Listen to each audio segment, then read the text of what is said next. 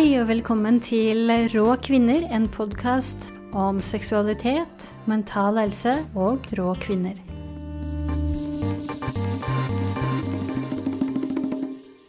Mitt navn er Elise Ain, og i denne episoden så sitter jeg her alene og skal snakke om produktivitet.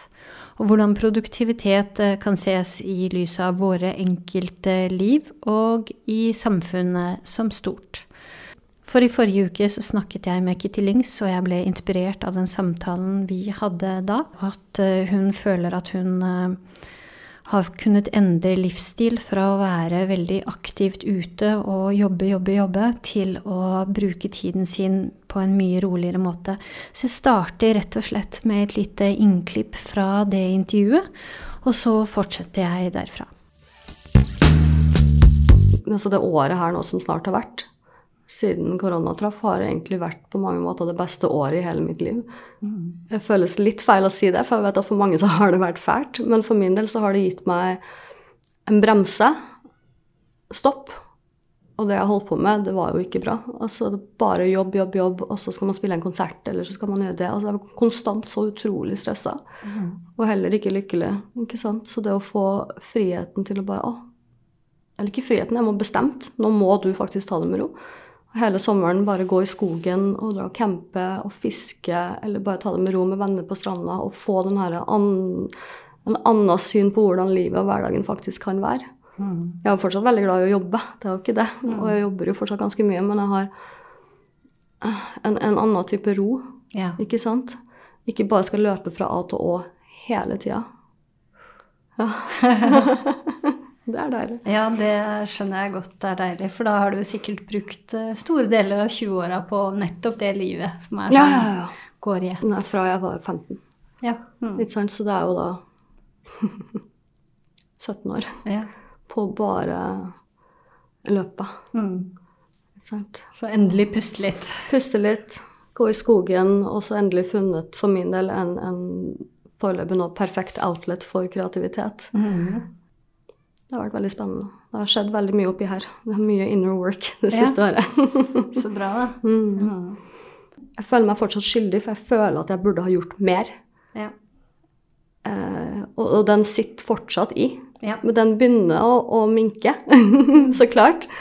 Eh, men det her med også bare Å ja, men jeg kan ta, å, gå en tur i skogen eller campe. Jeg føler meg fortsatt litt skyldig. Mm. For jeg føler at jeg burde vært mer eh, produktiv. Eller liksom Å, jeg burde vært på jobb. Jeg burde gjøre det her, jeg må gjøre det her. Og det sitter så hardt i. I mars så, så jeg en veldig flott plakat uh, på Instagram om at de gamle standardene for effektivitet ikke gjelder lenger. Og det er egentlig en fin inngang til resten av podkasten min, som, eh, som, jeg skal ta alene. Eh, fordi at vi har alle måttet roe ned og tillate oss at vi ikke jobber like effektivt. Eller vi har måttet finne andre måter å jobbe på. Jeg har tidligere jobba som journalist, og jeg har lært effektivitet i arbeidet mitt. Før jeg begynte som journalist, så hadde jeg ikke så veldig gode strukturer. Men eh, ved å jobbe som journalist så fant jeg ut eh, en metode. Det var lister, det var sjekka lister. Og eh, det ble en vane å ta med seg disse listene. Og jeg var et rastløst vesen på den tiden. Jeg var 25, kanskje. Eh, så det passa meg veldig godt å ha disse listene. Men min måte å jobbe på og tenke på var ikke så veldig bærekraftig for meg. Fordi at eh, jeg sa ofte ja til eh, å jobbe på kvelden. Jeg hadde veldig mange tanker rundt jobb hele tiden, og tanker generelt. Og all den jobben gjorde at jeg gikk i kjelleren.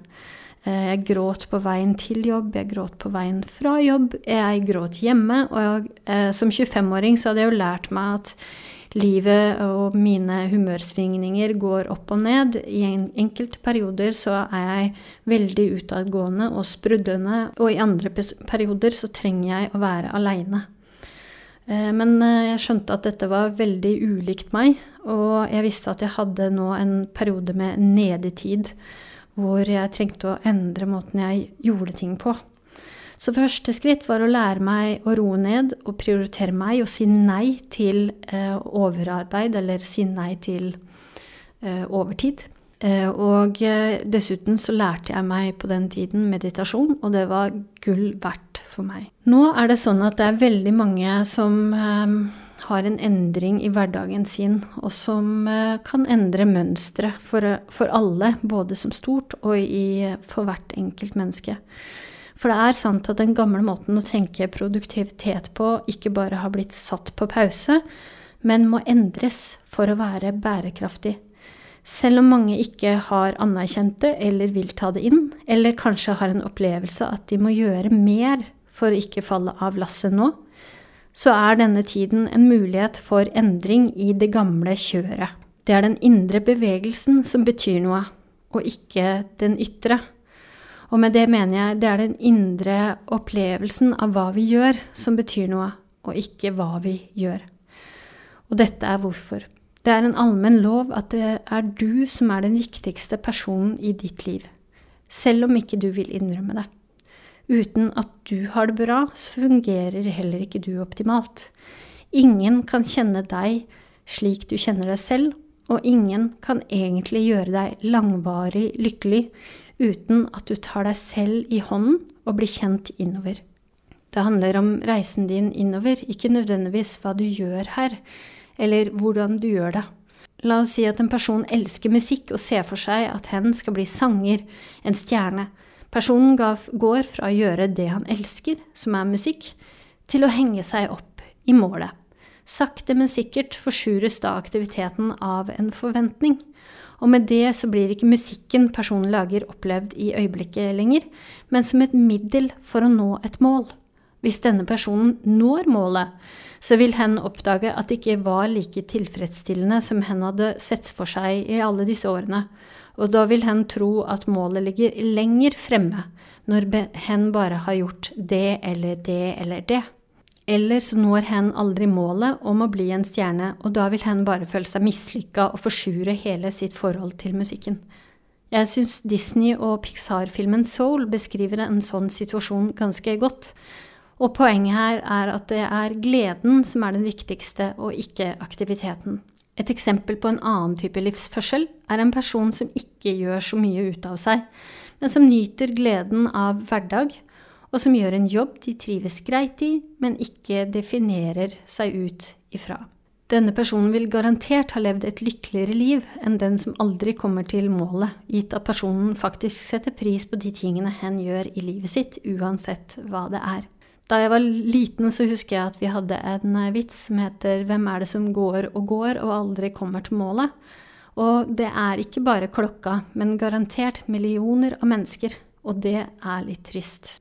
Det er vanskelig for samfunnet vårt å forstå at et liv kan oppleves mer verdifullt om man er den siste personen, enn om man er den første personen jeg beskrev. For samfunnet vårt måler verdi ut fra hva vi gjør, og det er rett og slett vanskelig å måle om man gjør det man gjør, samstemmer med et harmonisk indre. Vi har som menneskehet kommet langt ved å gjøre ting. Skape store kunstverk og bøker og bygninger, infrastruktur, medisin, forskning, kommunikasjonsverktøy og alt det som hører til samfunnet. Og vi vet mer om oss selv og verden og universet enn vi hadde gjort om vi bare satt på en stein og mediterte. Vi lærer og vi utvikler oss og utforsker livet på denne måten. Men vi har lært oss at framgang er å øke mer i det ytre. Få fetere lønn, større hus, flere eiendeler, suksess, ære og berømmelse. Det ødelegger jordens ressurser, og på lik linje overforbruker vi våre egne ressurser. Store deler av jordens befolkning er så nummet at de ikke ser hva som foregår, og den andre halvdelen er så fattig at de ikke klarer å tenke på noe annet enn å overleve. Denne perioden av eh, korona har virkelig gjort det tydelig både for meg og verden at vi, verdens befolkning, er bare ett folk på én klode. Vi dealer med de samme problemene, men på ulik måte. Og det er fascinerende å se på. Vi trenger ikke dømme andre for å velge annerledes, men heller se på rotårsaken. Rotårsaken er at vi tyner jorden for dens ressurser, sånn at vi må fange rotter og flaggermus for å selge på skitne marked. Og nå skal jeg komme med et hjertesukk om Kina, kanskje det farligste landet vi har i verden, og måten de bruker mennesker som brikker i et spill for å oppnå rikdom og makt. Det er helt horribelt og til skrekk og advarsel for resten av verden. Deres produkter og utvikling er så effektive at de utkonkurrerer ethvert annet land på de samme tjenestene. Og derfor får de mer makt og innflytelse. Og hvor lenge skal vi egentlig holde oss for øynene for å se at det er tilfellet? Fordi vi er også med på den samme strømmen som Kina. At det er effektivitet som er det viktigste, og ikke etikk, moral eller menneskelighet. Så vi lar de få mer og mer makt. Og det er klart at det er vanskelig å velge produkter når ethvert produkt enten er laga i Kina eller sammensatt i Kina. Det er vanskelig å velge riktig, og det er ikke så lenge siden jeg kjøpte en helt ny hvit singlet der det sto 'Made in China', og det så jeg først etterpå. Men det er ikke bare vi som forbrukere som må våkne opp, men også de som styrer sine millionselskap. De må velge mer etiske muligheter. I går leste jeg saken om Norges knefall for kinesiske styresmakter, som har foregått helt siden 2010, da etter at fredsprisen ble gitt til Liu Xiaobo, eh, som er en kineser som kritiserte Kina for overtramp på menneskerettighetene. Det var rett og slett flaut, syns jeg, å se på hvordan norske myndigheter ikke kunne møte Dalai Lama i 2013 fordi de måtte krype på kne for Kina, sånn at Norge kan øke eksportvarer til Kina. Så kan man også si at vi har satt oss selv i en knipe fordi vi har blitt avhengige av det kinesiske markedet. Og jeg vil si at det er en skadelig avhengighet for oss som nasjon, fordi vi gjør oss avhengige av noen med makt over oss, og det skaper mer makt hos Kina. For la oss face it, Kina gjør som de vil, fordi de har midlene til det. Hadde vi på verdensbasis blitt enige om å boikotte Kina, så hadde de fått mindre makt. Og det skremmende i det er jo også det at de har mer makt og mer penger til å bruke på overvåkning. Så de blir og er det største landet på overvåkning. Og hvordan kan vi da eh, gi dem mer makt ved å si at vi er enige i det de gjør? Korona har gjort det mer tydelig for oss at vi trenger et skifte. Miljøvern og metoder for å drive selskap er én ting, men for hverdagsmennesket så har det også betydd en endring i hverdagen. Mange mister jobben, fattige blir fattigere, mens de rike de seiler over og får midler til alt mulig. Det er noe råttent med systemet når vanlige norske kunstnere mister alle midler, og mister muligheten til å vise kunsten som de har jobba så knallhardt for å vise, på landsdekkende turné. Og når systemet er som det er, de, eh, og midlene er tapt, så, så de, må de starte på, på, nytt igjen med å søke. Alt sammen, alt arbeidet er bortkasta. Samtidig så får Tom Cruise for millioner av den norske stat for å spille inn en film her. Andre sitter litt tryggere i båten og har fast jobb og har bare måttet endre arbeidsmetoder. Ha hjemmekontor og akseptere at de kanskje ikke er like effektive når barna er hjemme og krever hjemmeskole. Eller så har de kanskje fått mer tid fordi at de slipper reiseveien. Men uansett så er livet blitt snudd opp ned, og det har for flere av oss fått tid til å reflektere over verden og dens sammenheng og vår rolle i den. For hvem lever du egentlig?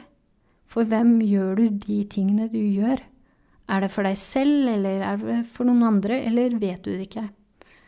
Hvem sier at vi må tyne oss selv for å nå et mål, og hvis vi tyner oss selv og dermed skader oss selv, hva er det som hindrer oss fra å tyne andre eller skade andre med den samme holdninga? Hvis vi nummer ned den evnen til å se at vi gjør oss selv vondt, så bærer vi jo med oss den samme nummenheten ut i verden.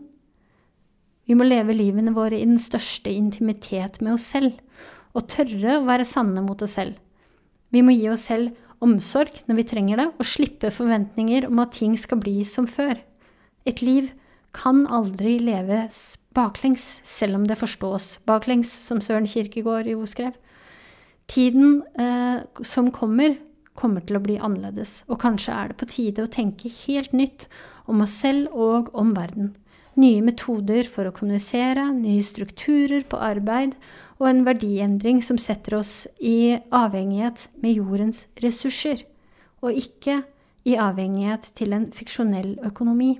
Jeg håper at tiden som kommer, gir oss større frihetsfølelse innvendig med det arbeidet, og åpenbart så kan det føre til at vi snur våre peilepinner i livet, fra det ytre styrte til det indre styrte. Ut fra det kan ting vokse større enn du kanskje klarer å se nå. Hvis vi klarer å gjøre en sånn endring innvendig, tenk da på hvor stor endring man kan gjøre utad, fordi vi ikke lar oss selv dytte av pinnen fra det ytre motstand. Med større frihet og større motstandsdyktighet innenfra, så vokser ting sterkere. Jeg oppdager stadig nye oppdagelser i eh, min endringsprosess. Det er som deilige små konfektbiter. You never know what you're gonna get. Men fordi jeg har tillit til meg selv, så mestrer jeg usikkerheten. Og den usikkerheten, den lever vi egentlig med både i det indre og i det ytre hver eneste dag. Men fordi vi har andre måter å finne oss sikkerhet på, så kan den usikkerheten kanskje virke litt fjern til tider. Og usikkerhet kan også som ord bli erstattet med undring og nysgjerrighet. Jeg har yogalærerutdanning fra YogaWorks, og de er veldig opptatt av at man har anatomiske korrekte stillinger, og at man bruker musklene riktig i hver stilling, hvilket er bra, for da forhindrer man jo skade. Men jeg prøver også å huske på at det er den eh, pusten og den indre bevegelsen som er viktigst, fordi lytter jeg til den, så føler jeg meg levende. Og da er det ikke bare en mekanisk trening, men en meditasjon i seg selv å gjøre asana-yoga. Og levende er ordet her. Den ytre bevegelsen fører jo til en rigiditet hvis vi ikke tar med oss den indre bevegelsen. Hvis ikke vi tør å være ærlige mot oss selv og møte oss selv, så stivner vi som personer. Og det gjør oss mindre habile til å takle endringer på det ytre planet, ironisk nok. Så jeg håper at du tar med deg disse tankene inn i hverdagen, og husker på at det som gjaldt før korona, ikke sikkert gjelder lenger. Og at vi må tørre å stå opp for de verdiene vi faktisk har. Og at uh, hvis du tør å være den endringen du ønsker å se i samfunnet, så vil ting faktisk endres på samfunnsplan med tid og stunder. Vi må tenke lange tanker og lange endringsmuligheter også. Så jeg ønsker deg lykke til med dagen, uka og resten av sulamitten, og ha det bra.